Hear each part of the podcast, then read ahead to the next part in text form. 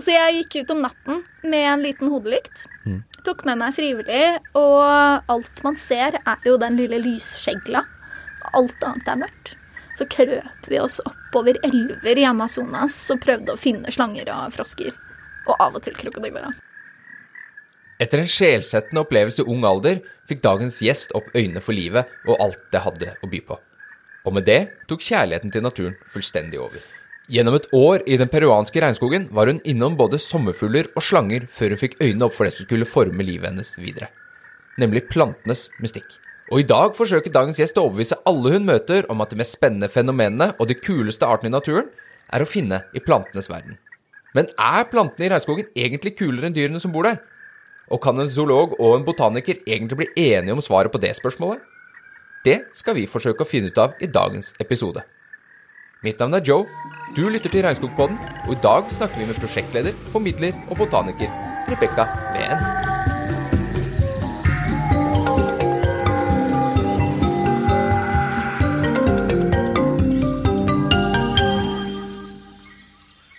Rebekka, velkommen inn i studio her hos oss i Regnskogpodden.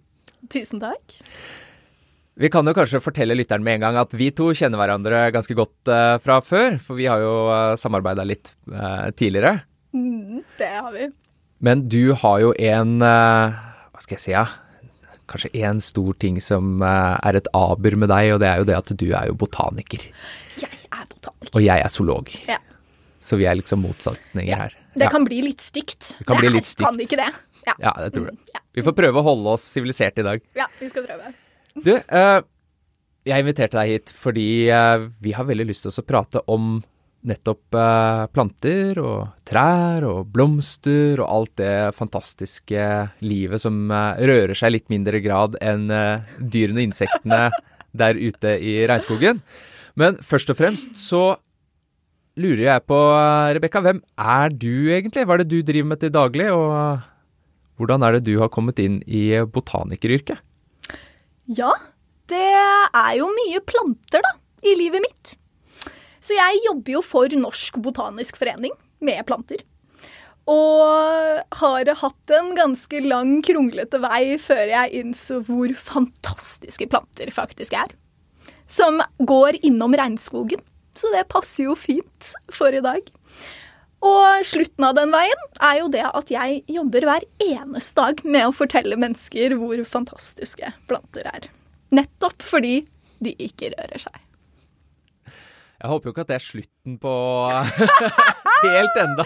Nei, kanskje uh, Det er der du er nå, i hvert fall. Der jeg er nå, var Ja. et litt mer håpefullt Jeg øh, standpunkt. jeg håper jo veien går litt videre. Kanskje vi ikke skal av helt i dag. Nei, det det skal hadde- ikke bli så stygt, Nei, skal det det? nei, det jeg valgte valgte jo ikke ta med Amazonas-marsjerten min inn i studio i dag, så vi får håpe det fortsetter litt på veien. Ja. Men du, det engasjementet ditt, det er jo, det er jo stort.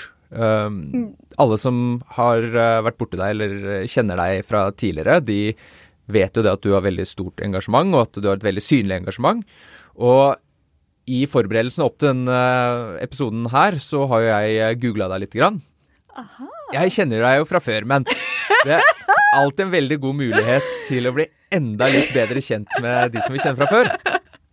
Og en ting jeg la merke til da, var at til tross for engasjementet ditt, så dukker navnet ditt veldig ofte opp i eh, rapporter og på arrangementer og på noen artikler. Eh, Men ansiktet ditt dukker ikke så veldig mye opp. Det virker som om engasjementet ditt er veldig retta mot det du driver med, og ikke så veldig på deg selv. Hvor starta det engasjementet ditt for naturen? Jeg vil det si det startet eh, allerede på videregående. Altså, det spirte jo litt underveis i oppveksten, men jeg fikk meg en ganske dramatisk vending på videregående som virkelig bare tente på entusiasmen som varer helt til i dag. Så det var nok vendepunktet, hvor jeg fant en utrolig retning mot naturen. Ja, hva var det som skjedde da? Nei, det var så, noe så dramatisk som en eh, aldri så liten dødsangst. Oi. Hvor jeg ble utrolig interessert i livet. Så vi var eh, på tur med familien i den vietnamesiske mangroveskogen. Veldig spennende. Og etter det så ble jeg skikkelig, skikkelig syk. Oi. Hele familien kjempebekymra.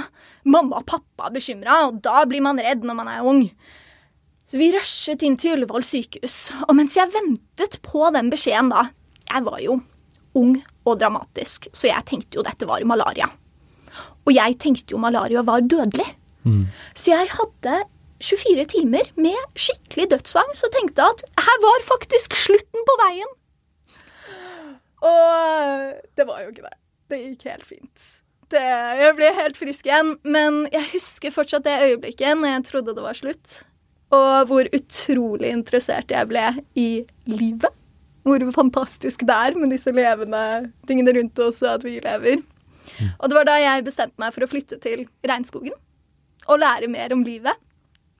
Og siden det så har jeg aldri sett tilbake.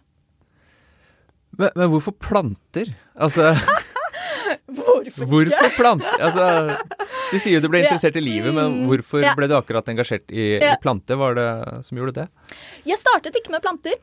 Nei. Jeg startet med sommerfugler og krokodiller og insekter og det som beveger på seg. Du skulle stoppa på på nummer to. Ja, Krokodiller.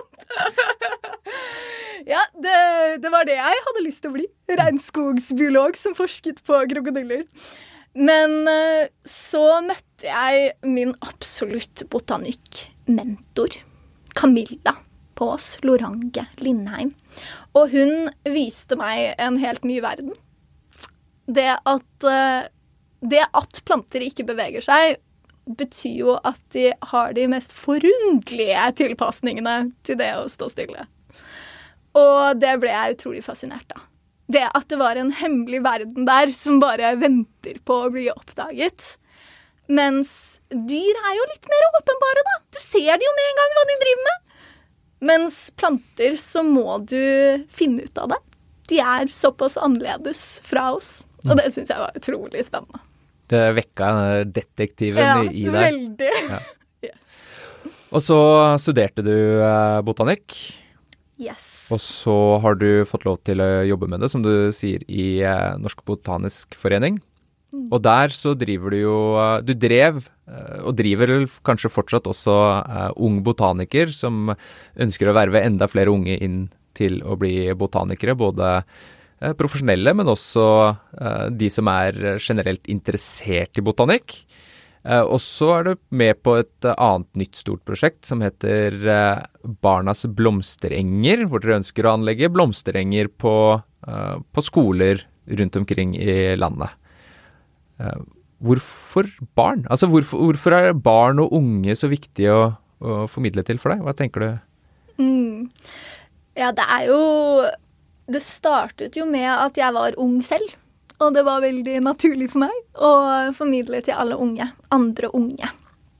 Eh, Og med tiden så har jeg også sett at den nysgjerrigheten barn har, den detektivnysgjerrigheten, den passer utrolig godt med planter. For der må du være litt detektiv for å finne ut hva som er spennende. Og ved hjelp av de prosjektene så har jo du vært med å på en veldig voldsom vekst i rekrutteringen til foreningen. Det har vært helt sykt. Ja. Så det har vært veldig gøy, eh, selv for oss som er, eh, står på utsiden og, og kikker inn. Jeg er jo egentlig økolog, men jeg syns det er forferdelig å kalle meg sjøl økolog når jeg kan så lite om planter. Men litt, kanskje vi kan løse det i dag? ja, jeg er litt misunnelig på deg som kan så mye om så mye. Det syns jeg er en fantastisk eh, egenskap. Men eh, du formidler jo også til eh, veldig mange andre enn eh, bare barn og unge. Du formidler jo til eh, voksne og, og, og til eh, grupper og til Ja, egentlig hvem som helst som spør deg, tror jeg. Altså det er eh, Hvis du Ja. møter Rebekka og i riktig humør, så blir vi pratende planter i mange timer. Selv, selv de som egentlig ikke er så interessert. Ja. Så det er jo veldig gøy. Um, så hva er det som er kulest, dyr eller planter? Å, planter. Helt klart. jeg, vi har jo pratet om dette før, og jeg har da forberedt meg bitte litt. Ja, og på vei inn her så tenkte jeg meg om. Hva er på en måte de kuleste dyrene man hører om når man vokser opp? Det er jo gjerne sånn gepard og blåhval og litt sånne. Så jeg har da funnet planter som danker ut alle de kjenteste dyrene. ja, så jeg, jeg vil helt klart si at planter er det kuleste. Ja, jeg ser frem til å bli en Ja. eh, plantekonvertitt Ja, her i løpet av eh, veldig fint, så bare sleng det ut. Det Det jeg kan fortelle lytterne med en gang, er jo at foran oss på bordet nå, så ligger det jo et hav av bilder, og du har tatt med deg frø, og du har tatt med deg bøker. Eh, Jeg har ikke hatt noen i studio før som har hatt med seg så mye eh, morsomt. Og her er det alt fra sommerfugler til trær til planter til uh, kikkertbilder og fossefall og alt mulig rart. Så her, altså hvis ikke man blir inspirert her, så blir man aldri det. Og jeg tenker jo det at vi kommer til å legge dette her ut på, eh, på episodesidene til Regnskogpodden, hvis vi får lov til det av deg etterpå. Men det er jo ett bilde her som, eh, som fanga blikket mitt med en gang, og det er altså du som står sammen med noen av dine Er det kolleger, kanskje? I en, ås, en ordentlig grønnkledd åsside med en diger machete i hånda. Sekk på ryggen og bandana i panna. Yes. Um, hvor er det du er hen uh, her? Ja, det Da, på dette bildet, så er jeg 19 år. Rett ut av videregående, og jeg har faktisk fått meg jobb på feltstasjon i den peruvianske regnskogen. Og dette bildet er nok et av mine yndlingsbilder, fordi eh, det er knyttet til et helt fantastisk minne av regnskogen. Som er noe av det første jeg tenker på når jeg tenker på planter og regnskog. Eh, Jeg var jo, jobbet jo, eh, så vi gikk jo rundt i regnskogen hver eneste dag. Lange dager, det var varmt, vi var svette, det er insekter overalt. Hva var det dere jobba med når du var der? Eh, Det var en feltstasjon som jobbet med regnskog som vokser opp igjen. Ja. Så vi var på kanten av Manu. En av de mest fantastiske regnskogene, syns jeg, da. Eh, og det var et område like ved regnskogen som det hadde vært jordbruk, det hadde vært hogget, det hadde vært plukkhogst, flakhogst, uh, litt forskjellig uh, type hogst av skog. Og så så vi hvordan regnskogen vokste opp igjen, og hvor raskt det faktisk gikk. Og hvor mange arter og trær som kom tilbake når det først eh, ble beskytta og fikk lov. Så på dette bildet så hadde jeg brukt min eneste fridag i uka. Vi jobbet seks av syv dager i uka, så jeg hadde brukt min ene fridag, hvor jeg egentlig bare burde ligge helt flat og sove, på å klatre opp et fjell. Og jeg husker følelsen av å gå opp det fjellet. Og jeg var dekket av gjørme, og jeg var varm og fluer, og det var liksom den ene dagen jeg burde ta meg fri, så hadde vi valgt å klatre opp et fjell som faktisk lå inne i nasjonalparken. Og jeg fikk utsikt over regnskog som brettet seg ut foran meg, og hvor mye regnskog det faktisk var igjen og som var verna og beskytta. Og det er fortsatt noe jeg husker kjempegodt. Ja, hvordan hvordan føltes det når du da Ja, det var helt fantastisk. Når jeg kom opp på toppen, jeg var så sliten. Jeg var egentlig ganske grinete når jeg gikk opp det fjellet. Altså. Det var ikke bra å snakke med meg akkurat da. Ikke da du skal spørre meg om planter. Nei, ikke sant? Nei, jeg tenkte Du, på Rebecca, hva er dette her for ja? Nei, åh. Og jeg gikk med macheten, ikke sant, så det kunne blitt farlig. Men da vi kom opp og fikk den utsikten over skog som vi da hadde jobbet med Jeg hadde jobbet ca. fire måneder i regnskogen hver dag. Så jeg var jo kjent med skogen. Og det å kunne se at den skogen bare bretter seg ut foran meg, og den utsikten, det var helt fantastisk. Og da er det altså snakk om eh, en del av Amazonas. Ja, Som du en del av Amazonas, ja. Mm, som jeg var i den gangen. Men når dere jobbet der nede da, du sier at dere fulgte med på uh, skog som vokste opp igjen. Mm. Hva var de konkrete oppgavene? Altså hva var det du gjorde som en eh, feltassistent der nede? Mm. Eller felttekniker var det vel kanskje det du var? Feltbiolog, Feltbiolog, kalte vi jo oss selv. Først eh, praktikant, og så real feltbiolog. Oi, oi, oi. Ja, da hadde jeg blitt 20 år, da, heldigvis. Ja. Så Vokst inn i rollen. Blitt moden. veldig moden og ansvarlig. Ja. Med machete. Med machete. Det er viktig. Mm, ja, det er viktig. Nei, eh, jeg hadde jo ennå ikke innsett hvor fantastisk planter er. Så de var der hele tiden, men de prosjektene jeg tok ansvar fra for, var først sommerfugler. Ja, og der har du altså bilde av en Ja. uh, flott uh, sort, nesten helt sort sommerfugl med noen seks knalloransje flekker. Og hva er det vi ser på her? Det er en art i, uh, i regnskogen. Jeg kalte den katanofili, som er sikkert ikke riktig uttale av det latinske navnet uansett. Men dette trigget jo veldig detektivinstinktet i meg, fordi sommerfuglene eh, Vi lærte dem med tall. Så jeg kan fortsatt tall på de forskjellige sommerfuglene. Og så var det å matche mønstre til bilder og tall. Og Ja. så kan vi lære fra det hvilke, hvilke blomster den flyr rundt uh, Ja. og samler nektar og det forskjellige. Så det var kjempegøy. Jeg dro ut og hengte opp sommerfuglfeller i regnskogen. Og sånn vi lokket til oss sommerfuglene, var med råtten fisk. Så jeg tilbrakte månedsvis med å stinke av råtten fisk. Fordi det regner jo ganske mye i regnskogen, så de koppene med råtten fisk fyltes opp av vann. Og når jeg da skulle dra de ned, så sto jo jeg rett under de koppene med råtten fisk, som da gjerne falt ned over hodet mitt. Så du kan si at når jeg fikk eh, folk som var med meg, så pleide jeg å sette dem til å ta ned fellene etter hvert. da. Ja, det er klart. Mm, ja. Ja, de nye praktikantene, det er, det er ilddåpen. Ja. Ja. Mm. Nei, så jeg startet med sommerfugler. At vi så hvor mange arter sommerfugler som eh, kom tilbake til de forskjellige stadiene av regenererende regnskog. Ja. Og vi så at det var veldig raskt at de kom tilbake. Mm. Vi var da 20 år etter det var stoppet, hogst og jordbruk. Ja, nå er det jo sånn, kanskje for veldig mange som lytter, så høres jo 20 år det høres ut som veldig lang Ja, tid, men i et, i I eh, den store skalaen! ja, et geologisk og biologisk perspektiv så er jo 20 år det er relativt kjapt, da. Ja.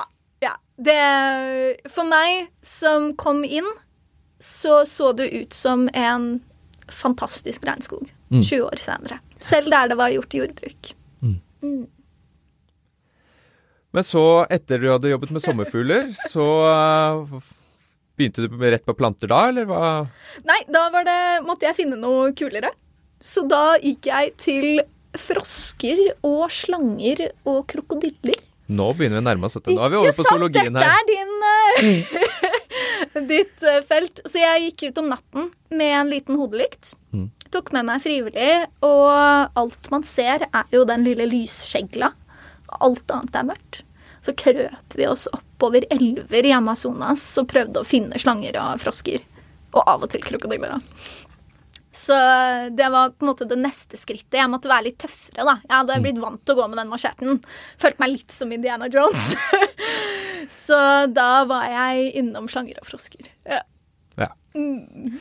Heldigvis er det jo uh, Selv om mange kanskje har det inntrykket av regnskogen, at det kryr av farlige ting overalt, så må man faktisk leite litt Mm. Etter de farlige tingene. Der. Ja.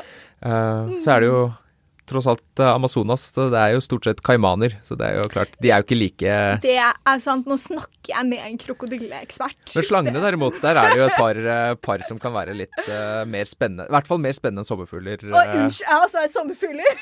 altså i hvert fall skumlere, da. Ja, skumlere. Helt enig. Mm.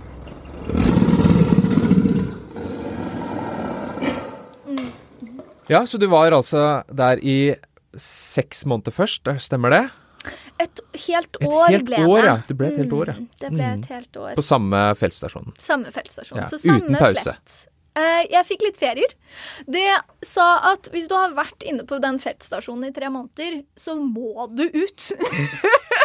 De kalte det jungle fever.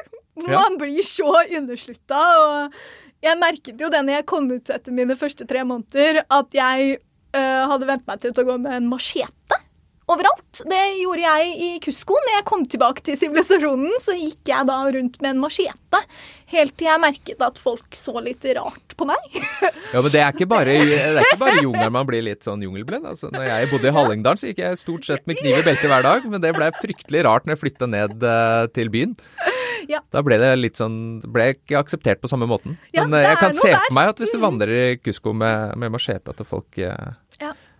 Da er det på tide med pause. Da er det på tide med en pause. Ja. så vi fikk litt pauser. Ja. Og hva gjorde du i pausene dine? Var det rett hjem til Norge, eller var det Begynte du ut og klatre fjell igjen da? Vet du hva, jeg spiste mat. Sjokolade og pizza. og jeg vasket klær. Og det var et lite sånn vaskeri som tok ekstra betalt for oss regnskogsbiologer som kom ut etter månedsvis i regnskogen. Hadde drevet med håndvask, da, og I hvert fall du som kom med fiskeplan. lukta råtten fisk. Så jeg vasket klær og spiste pizza og sjokolade. Det var helt fantastisk. Og reiste rundt, da, i Ja. Sør-Amerika. Mm.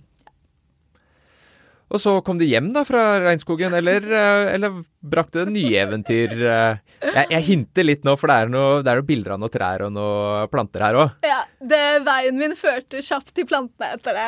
det. Jeg hadde jo et år med minner Mm. som Plantene var jo en stor del av de minnene. Mm. Så når jeg da flyttet tilbake til Norge og begynte å studere, og møtte botanikkmentorene mine, som viste meg hvor fantastiske planter er, så gikk jo jeg tilbake over minnene mine og innså at jeg hadde jo møtt på de mest fantastiske plantene i regnskogen mens jeg bodde der. Og det vekket veldig interessen min. Fordi da var detektivinstinktet litt framme igjen. Og jeg innså at de trærne jeg hadde klatret i og gått under, de blomstene jeg hadde sett, de hadde de mest fantastiske historiene som jeg hadde oversett Mm. opp til da. Og så dro jeg litt tilbake til regnskoger etter det, hvor jeg faktisk så etter planter spesifikt. I min lille halvhjerta research eh, av deg fordi jeg kjenner deg fra før, eh, så oppdaga jeg at uh, Rebekka vært i regnskogen, elsker regnskogen, elsker regnskogsplanter, har bodd der. studerte frostskade på gress. Ja, det har jeg også drevet med. Ja. Mm. ja. Hva å si Hvorfor gikk ikke veien direkte til, liksom, tilbake til regnskog, eller var det andre ting som uh, fanga deg? Ja, jeg eh, dro jo rett tilbake til regnskogen. Den indiske regnskogen var Ja. neste stopp, eh, hvor jeg eh, møtte på plantene der. Men så var jo jeg blitt litt sånn eh, Jeg hadde jo litt Indiana Jones-tendenser, da. Med denne ja, utforskeren i meg. Og så innså jeg at i Norge så har jo vi en bit av Arktis. Svalbard. Mm. Og at de plantene som lever på Svalbard, er jo utrolig interessante. Så veien min gikk faktisk rett fra regnskogen til Arktis og Antarktis. Og studerte polene våre. Før jeg nå har eh, landet litt i Norge, da. Og jobber med frostskader på gress og de norske plantene. Så fra tropisk regnskog til Arktis, og så havna du sånn omtrent i midten. I hvert fall for nå, da. Vi er jo enige om at veien ikke slutter her. Ja, veien slutter ikke. Det er vi enige om. Det er vi enige om. Men du sier du har også vært i eh, den indiske regnskogen. Hvor er det du har vært da? For altså, du har jo Du har jo tydeligvis reist en del. Mm. Du har jo eh, vært i eh, mangroveskogene i Vietnam, du har vært i Amazonas og India. Mm. Hva holdt du på med der, da? Ja, det var en kollega av meg. Indisk kollega i Peru som sa at uh, Rebekka, vi har jo indisk regnskog òg. En helt fantastisk skog på vestkysten av India. Western Ghats. Som har noen av de mest sjeldne økosystemene, sa hun, da. Og jeg sa jo ja, men da må jeg jo komme dit. Så jeg eh, var frivillig på feltstasjon en sommer. Eh, indisk feltstasjon, og jobbet med indiske biologer. Som også var helt fantastisk. Og eh, hadde også sine utfordringer, fordi den indiske regnskogen, den har blodigler. Mm, yes. så det var helt klart verdt det, men da måtte jeg venne meg til å gå barbeint. Fordi vi stoppet da eh, hvert ti minutter for å plukke av blodigler som hadde begynt å krype opp eh, beina våre. Eh, ja. Men eh, Så det romantiske bildet av regnskogen eh, har du nå totalt ødelagt Ja, for eh, egentlig, ja. egentlig. Men det er desto mer spennende og fascinerende, da. Det må Mm. jeg si. Ja. Jeg leste den gang, eh, jeg husker ikke hvor det var jeg leste, men det var noen som ble så overraska over Første gang de skulle til regnskogen, så ble det anbefalt eh, å ha med høye strømper og heldekkende bukser. Og de var sånn Ja, men jeg skal jo til regnskogen, der er det jo varmt. Og så var det sånn Jo da, men blodiglene. Putt, eh, putt buksa nedi skoa, og så Ja, jeg prøvde faktisk det i India. Mm. Eh, og så så jeg alle de andre indiske biologene gikk barbeint Mm. med oppkrøllede bukser. Og, men jeg var jo vant til Peru hvor vi gikk i slagstøvler og lange sokker og heldekkende, så jeg tenkte nei, nei, jeg, jeg tar min metode. Det var ikke noe smart, for da krøp blodiglene helt opp til liksom linjen av buksen, så du ikke fant de. Før sånn på natten hvor du våkner at du har en sånn diger svulst på ryggen full av blod. Åh. Så jeg gikk faktisk barbeint. Så jeg kan støtte meg til sommerturistene. At uh, da ser du i hvert fall hvor blodiglene er på føttene. Mm. Lokalkunnskapen, med andre ord, er, ja, det er jeg vil nok si det. Hør på de lokale. Ja, selv om du har lært noe i Enreinskog, så er det veldig fint å, å høre på det lokale. Ja.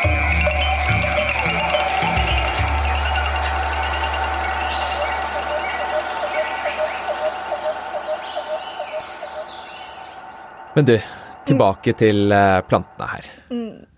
Fordi eh, jeg uh, snakka med deg på forhånd, og eh, vi er jo litt uenige om hva som er kulest, om det er dyr eller om det er planter. Så du har tatt med deg noen eksempler her eh, for å prøve å overbevise meg og lytterne våre om eh, hva det egentlig er som er det kuleste, for du påstår at det er plantene. Så nå er jeg veldig spent på hva det er du har lyst til å fortelle oss om plantelivet i eh, regnskogene på planeten vår.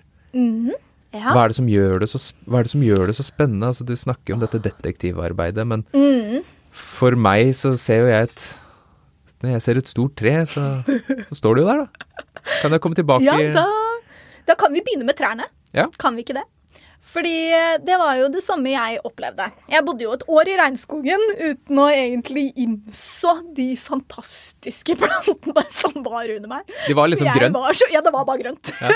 jeg var så opptatt av disse slangene og froskene og sommerfuglene. Så jeg, når jeg begynte å lære om planter, så hørte jeg om en av de kuleste trærne i regnskogen. Kvelefiken. Mm, Har du vært borti den? det har jeg vært. Og vi hadde jo like ved feltstasjonen vår ja, En god tur, da. Relativt like ved.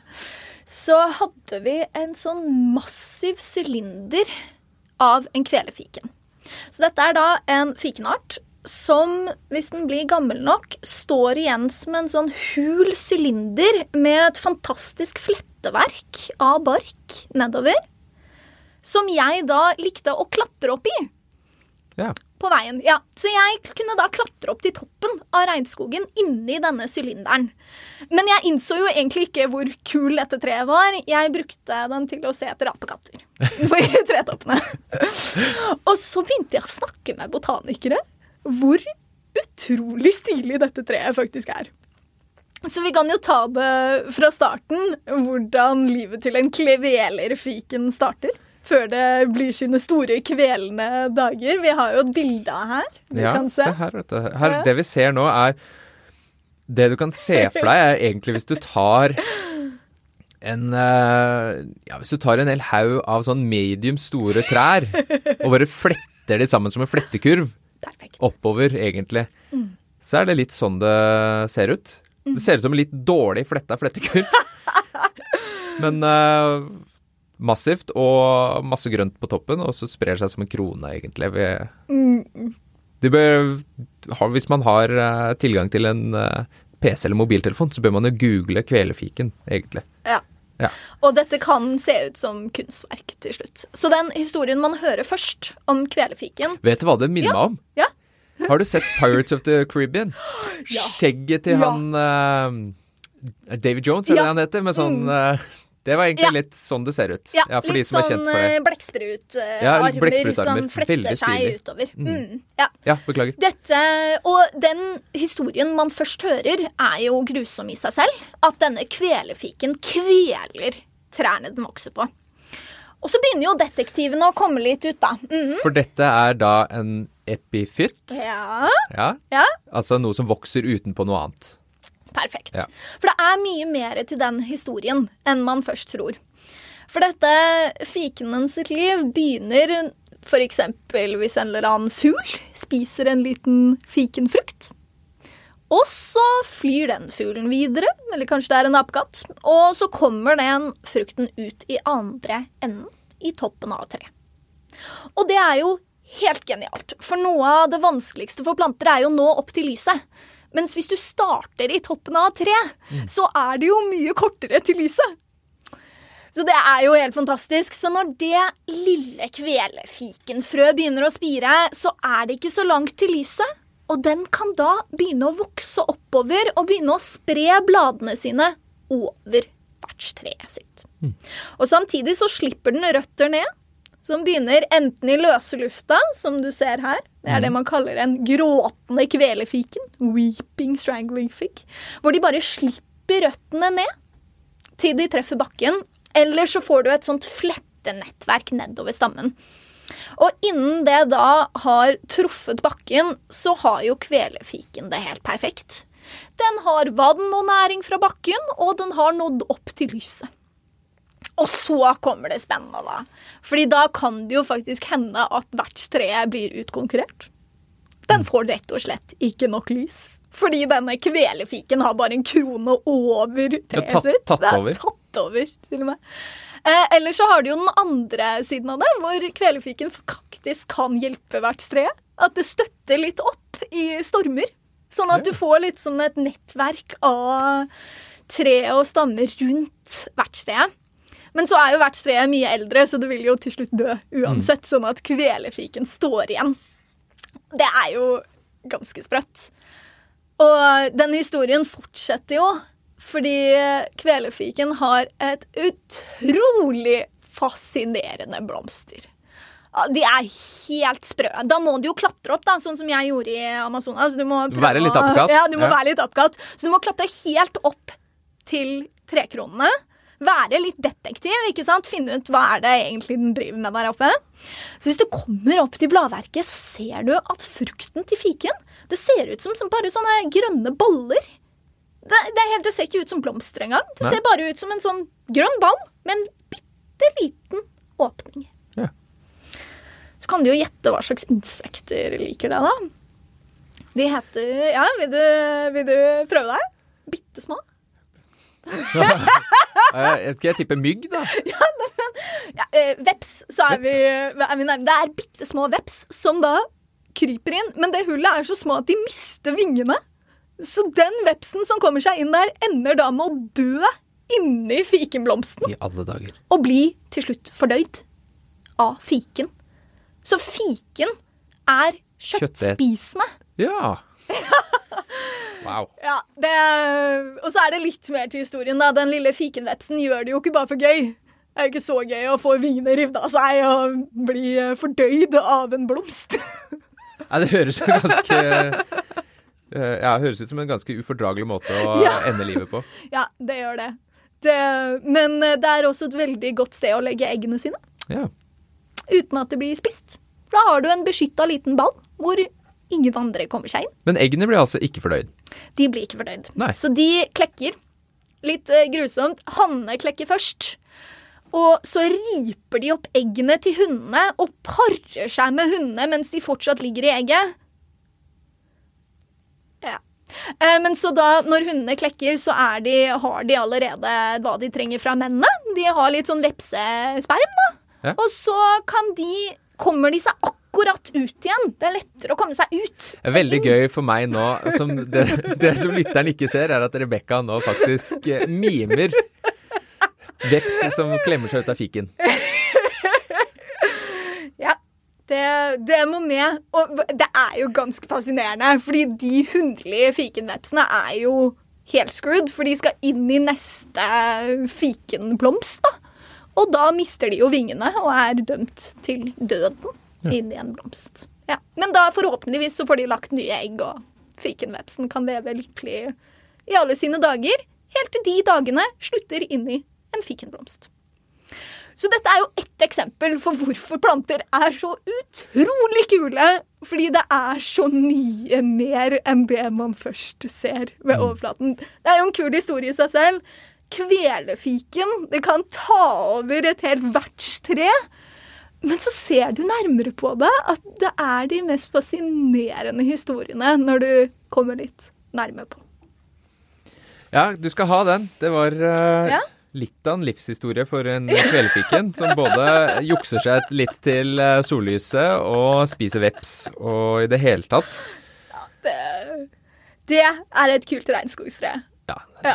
det var veldig stilig. Det skal jeg innrømme. Ja, så du kan jo tenke deg neste gang du spiser en fiken. Nå, når man dyrker fiken, så gjør man det vanligvis uten Vep- fikenveps. ja. Men hvis du spiser en vill altså- fiken, Dette er altså samme samme slekt, Samme slekt, som du spiser fiken av. Så hvis du spiser en vill fiken, så spiser du like av en liten død fikenveps, da. Ja. Ja. Public service announcement eh, fra Rebekka her. Ja. Nei, det var jo eh, ganske kult. Du har jo Kvelefiken. Kvelefiken, Ja, det tror jeg. Men du, du har jo med litt Ja, annet her også. Eh, og en ting som har fanga blikket mitt, det er jo noe som ser ut som en uh, Pokémon. Ja, takk. Det er Det- veldig glad for at du sa det. Ja. Ja. Det jeg er jo den generasjonen Ja, som uh, var barn da Pokémon kom til Norge, så uh, den er stor For de som kjenner til rød fluesopp i Norge, så kan det egentlig se litt samme mønstre. Ja. Eh, hva er dette for noe rart? Å, dette er gøy. Det, jeg ser jo Pokémon. Ja, Jeg også. Det er den lille ville Pilum, eller hva den nå het. Den lille blå Pokémonen Ja. med en sånn diger rød blomsterhatt. Og den blomsterhatten, det er en ekte blomst. Mm. Og det vil jeg kanskje si er verdens merkeligste blomst. Den har litt flere rekorder. Det er også verdens største blomst. ja. Så det der bildet du ser nå av den røde blomsten, den kan bli én meter i diameter. Dette er gigantisk. Da utkonkurrerer du naboen sitt rosebed. Ja, vet du hva. Det, må, det er litt vanskelig å eh, få disse til å vokse i hagen, fordi de er parasitter. De også, for det var jo også eh, Ja. Kvelefiken var jo også en parasitt. Altså en, Ja, det er ikke det vi kaller Det er hemiparasitt, da. Men Ja, ja, ok, ja. det, dette er en ekte parasitt. Ja. Den tilbringer nesten hele livet inni sånne lianer. Mm. Som du er sikkert kjent med fra regnskogen. Så den lever inni de lianene. Og så tar den vann og næring og alt den trenger derfra. Men når den skal blomstre, da kommer dette beistet ut av lianen. Én meter med rød blomst. Og det er jo ikke bare verdens største blomst. Det er kanskje verdens stankblomst. Den som lukter verst. For denne blomsten, den lukter eh, som råtne lik. Ja, Ja. Mm, deilig. Så jeg vet ikke om det er beste valget for en hageblomst. Det er ikke den du tar med deg på date. Nei, det er kanskje ikke det. Vil være imponerende, da. Så til en botaniker så Nei, jeg vil ikke, den er utrydningstruet, så jeg tror kanskje ikke Nei, til en botaniker engang. Nei. Nei, ja. Men eh, det er jo helt fantastisk. hva er det- hva er det den heter for noe? Raflesia. Raflesia, ja. Det, men Pokémon-blomsten syns jeg var et litt godt eh, klengenavn, da. Det gjør det enklere for, for oss andre, tenker jeg. Ja, ikke sant. Ja. Men den, den ser jo helt fantastisk ut. Og du ser jo det på bildet at den har et sånn Det er de store kronbladene rundt som ser litt ut som rød fluesopp. Og så er det et sånt hull i midten, som du ser. Og der er det stanken kommer ut. Der andre blomster lukter godt, så lukter denne som råtnende kjøtt. Altså lik. Så hvis du gikk på tur i den thailandske regnskogen og plutselig luktet råttent kjøtt, så ville jeg da tenkt med en gang å, kanskje det er en raflesia-blomst. Og så Ja. får du håpe det er det du finner Ja, i den andre enden. Så det her er jo fordi de, den vil jo tiltrekke seg noe helt annet enn eh, det vanlige blomster gjør, som lukter godt. Det er ikke blomster, det er ikke bier og humler den er ute etter. Jeg, nå, nå tipper jeg fluer. Ja. Ja. Der har vi fluene. Møkkfluer er det. Oppsulsfluer, den gruppa der med fluer som er tiltrekket råtne lik. Mm. Så da kommer de, går litt på blomsten, får pollen på seg, og så vil den jo finne et nytt lik. Hallo, alle fluers drøm. Og fly videre. Og finner en ny sånn raflesia-blomst, får vi da håpe på. Og så blir blomsten pollinert. Så det, det vil jo si at dette er kule greier. Utrolig rar tilpasning til eh, livet. Men eh, nå har du vist, eh, vist meg to ganske sånn vidt forskjellige planter. En fra Amazonas og en fra Sørøst-Asia. Um, to vidt forskjellige, ganske forskjellige i hvert fall. En er, som du sier, det er hemiparasitt, som jeg nettopp lærte, og så en som er en parasitt. Uh, og de to lever livet på ganske forskjellige måter. Eh, og nå fikk jeg akkurat i hånda her, eh, for den tror jeg du hadde veldig lyst til å prate om. For her var det en, en annen en som ligner litt på en Pokémon, faktisk. Um, Og denne her, ikke, ikke akkurat denne her, men vi har noe tilsvarende denne her faktisk i naturen i Norge også. Og det vi ser på nå, det, det ser rett og slett ut som ei krukke. Ja. ja. Så hva er, det, hva er det vi ser på nå? Hva er det dette er for noe?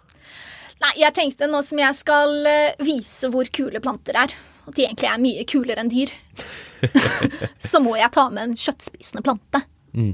Som faktisk snur det hele på hodet og begynner å spise dyr. Så jeg, ja, jeg vet ikke om du har møtt på kjøttspisende planter før? Jeg mimrer fra et feltkurs i mine ungdomsdager at vi var på en myr og kikka på soldugg, Ja. som er en kjøttspisende plante som vi har i Norge. Soldog. Ja. Soldog. Ja. Så det må vi bare få inn at vi har kjøttspisende planter i Norge òg. Men kjøttspisende planter i regnskogen på Borneo, den tar kaka. Det ser litt mer hardcore ut, Det denne her. er litt mer hardcore enn det vi har i Norge.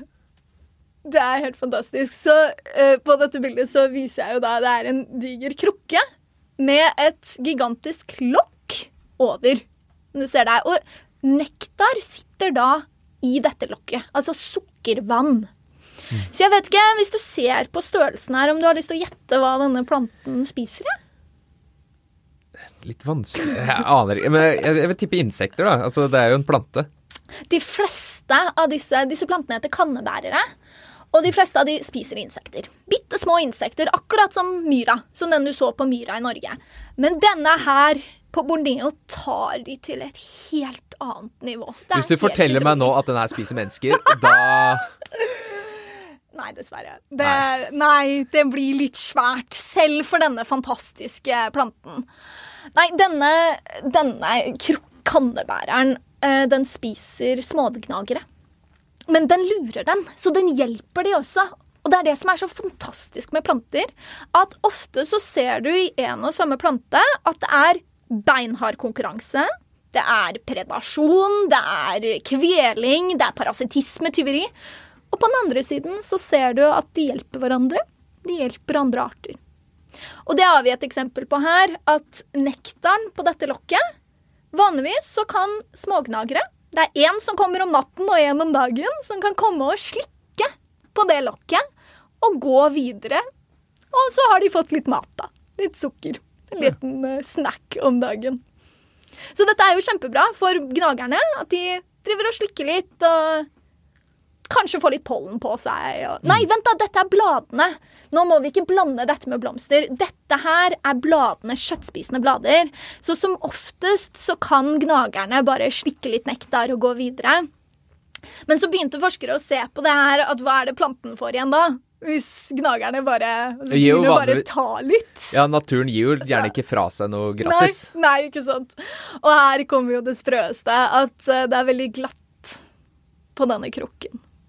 Så når gnagerne står og slikker og kanskje strekker seg litt for langt ut, så kan det hende de sklir og detter nede i krukken. Og på bunnen der så er det da fordøyelsesvæske. Litt som vi har magesyre Mm. hos oss mennesker, som fordøyer gnagerne levende. Kjøttspisende planter. Ja. Ja. Så dette er da blader som har gjennom evolusjonen, millioner av år, utviklet denne mekanismen for å faktisk begynne å fordøye dyr med å få litt ekstra proteiner i kosten. Wow.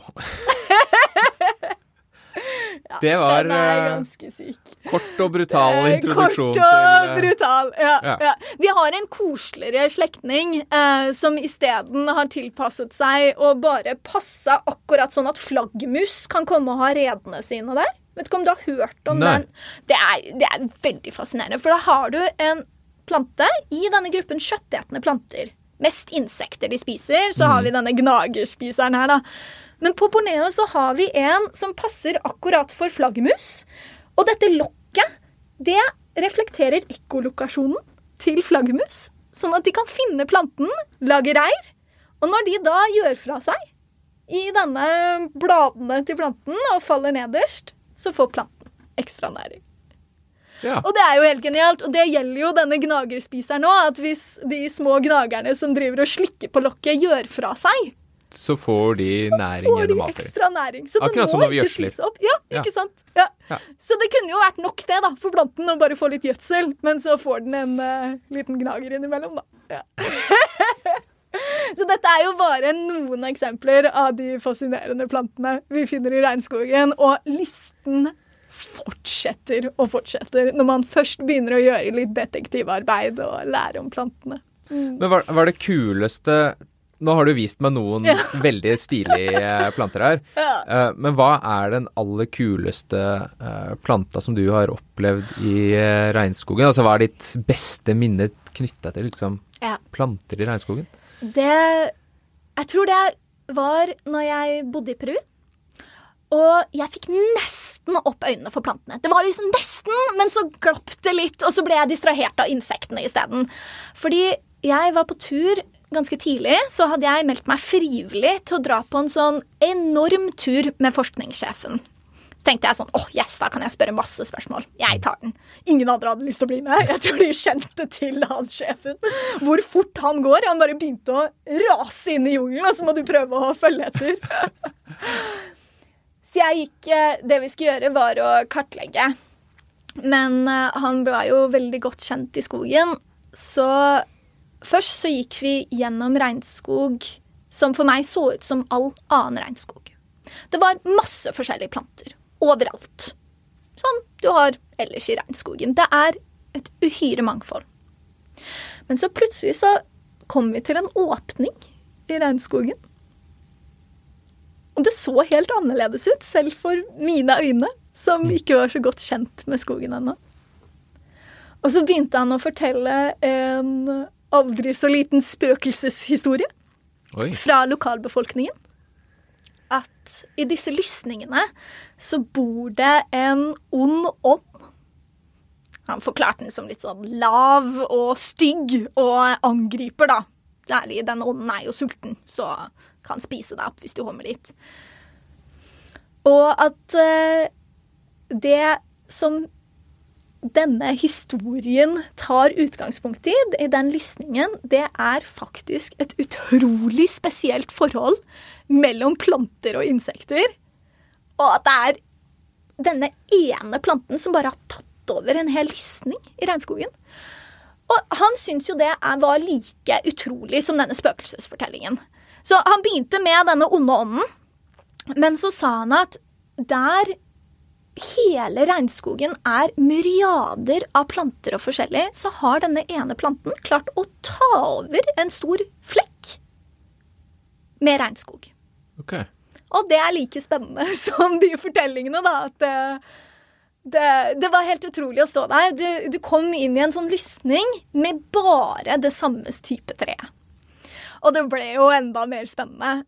Og da var det nesten så jeg begynte på planter allerede. Fordi han kuttet opp en liten bit av en Det var en liten sånn ja, på høyde med skulderen din av et tre som kom opp. Så kuttet han en bit av det treet. Vil du gjette hva som var eh, inni? Hva det bodde inni? Det var et Å, insekt som okay. bodde inni her. Ja. Jeg, skulle, jeg skulle til Den å si onde er ånden. Ja, Så tøt det ut! tøt ut en liten ond ånd. Nei, jeg hadde jo tenkt å si kanskje at det var noe, noe plantesaft, men eh, det er jo tydeligvis noe som bor der, da. var jo veldig riktig, da. Da har du lært noen planter. Det er bra. Ja, Da er vi på samme bane. Vanligvis når du kutter i en plante, så tyter det ut plantesaft. Veldig greit. Ja. Men det som tøt ut når, i denne planten, det var maur. Så dette var en plante som hadde maurtur inni seg. Så inni stammene på trærne så var det maur. Og planten hadde rekruttert disse maurene til å angripe alle andre planter som prøvde å vokse opp i den lysningen. Så det, er- jeg tror det er min mest syke erfaring med planter i regnskog. Det er så Ja. Så gjennom å tilby mauren et sted å bo, så Ja. fikk den på en måte et eget vaktselskap Ja. som uh, kvitta seg med konkurrentene? Maursoldater, Maursoldater, faktisk. Ja. Det var sånne sitronmaur, eh, så jeg måtte jo så klart smake på de Ja, for å sjekke om det smakte sitron. selvfølgelig. Ja, og det gjorde det. Ja. Så det er da maursyre som disse maurene, hvis det prøvde å vokse opp noen andre arter planter, så begynte de å sprute denne maursuren inn i plantene, sånn at de Mm. døde. Og så tilbød jeg treet litt eh, nektar og plass å bo og forskjellig for meg rundt tilbake, men det det jeg tror det er da jeg kom nærmest av å få øynene opp for planter. At her har vi en plante som har rekruttert maur til å være soldater for seg. Sånn at den kan bare ta over en stor lysning. Og så hadde vi jo litt kule spøkelseshistorier. eh, Det, det hjelper jo Ja, til å knytte til litt sånn ja. folke, folketro. Ja, ja, det gjør det. det, gjør det ja. Du, altså det engasjementet ditt, Rebekka, det er jo hakket før at du blir en blomst sjøl. ja, jeg tror Det det. er ikke så lenge igjen. Hadde det ikke vært for at du var så energisk og måtte bevege deg, så hadde, hadde det vel grodd fast, du også. Du, vi, vi begynner å nærme oss enden på samtalen vår. Um, og du har jo fortalt flere gode historier fra regnskog. Men det er sånn at på slutten av podkasten så stiller vi alltid et avslutningsspørsmål. Uh, og det Her tror jeg kanskje det blir vanskelig for deg å velge ut. For uh, det spørsmålet vi stiller til slutt, det er hva er det aller beste med regnskogen i dine øyne? Oi! Nå er det jo veldig fristende å si plantene. Men jeg tror faktisk jeg har lyst til å velge meg fortellingene knyttet til plantene. At det er det aller beste med regnskogen.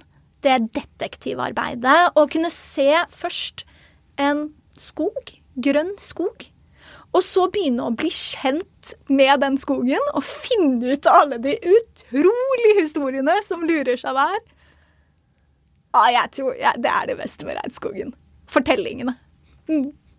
Som, en, eh, som den historiefortelleren du er, så avslutter vi med at historiene er det aller beste. Du, Rebekka, tusen takk for at du kom og ville prate med meg. Det har vært eh, veldig gøy. Og vi begynner å nærme oss. Jeg begynner uh, fått opp øynene for eh, planter nå, og jeg er ganske sikker på at uh, mange av lytterne våre der ute også har fått det. Um, helt på tampen da, hvis det er noen som har veldig lyst til å lære mer om planter, har du kanskje noen tips, eller? Ja, det, det har jeg. Og da er mitt aller største tips å komme seg ut på tur med noen som kan litt om planter, og begynne å gjøre det detektive arbeidet med å bøye seg ned og titte hva, hva slags spennende som faktisk befinner seg kanskje rett i nærskogen din. Og hvor er det vi finner de spesialistene? Å, der har vi jo Botanisk forening, da. vi og Ung botaniker, og vi er nå et nettverk over hele Norge av folk som er interessert i planter, og elsker å prate om planter. Så her er det mye å ta av. Mm, så jeg ville søkt opp Norsk botanisk forening og blitt med ut på tur. Veldig, veldig godt tips. Helt på å ta på deg. Tusen takk for at du kom i studio, Rebekka. Ja, tusen takk.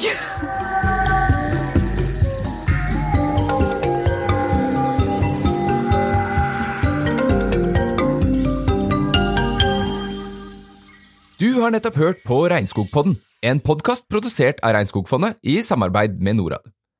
Liker du det du hører? Da vil vi anbefale deg å trykke på abonner-knappen på Regnskogpodden der du lytter til podkast. Da går du ikke glipp av episodene som kommer i nærmeste fremtid. Og vi blir også veldig glad om du har lyst til å anbefale oss til eh, familien din eller til en venn. Ønsker du å lære enda mer om hva Regnskogfondet egentlig driver med? Da finner du masse informasjon inne på www.regnskog.no, på Instagram at Regnskogfondet og på Facebook. Vi hører veldig gjerne tilbake fra dere som lytter til oss, så om du har ris, ros, spørsmål, kommentarer eller forslag til tema og gjester, så kan dere sende det til oss på en god gammeldags e-post på pod.alfakrøll.rainforest.no. alfakrøll rainforest.no.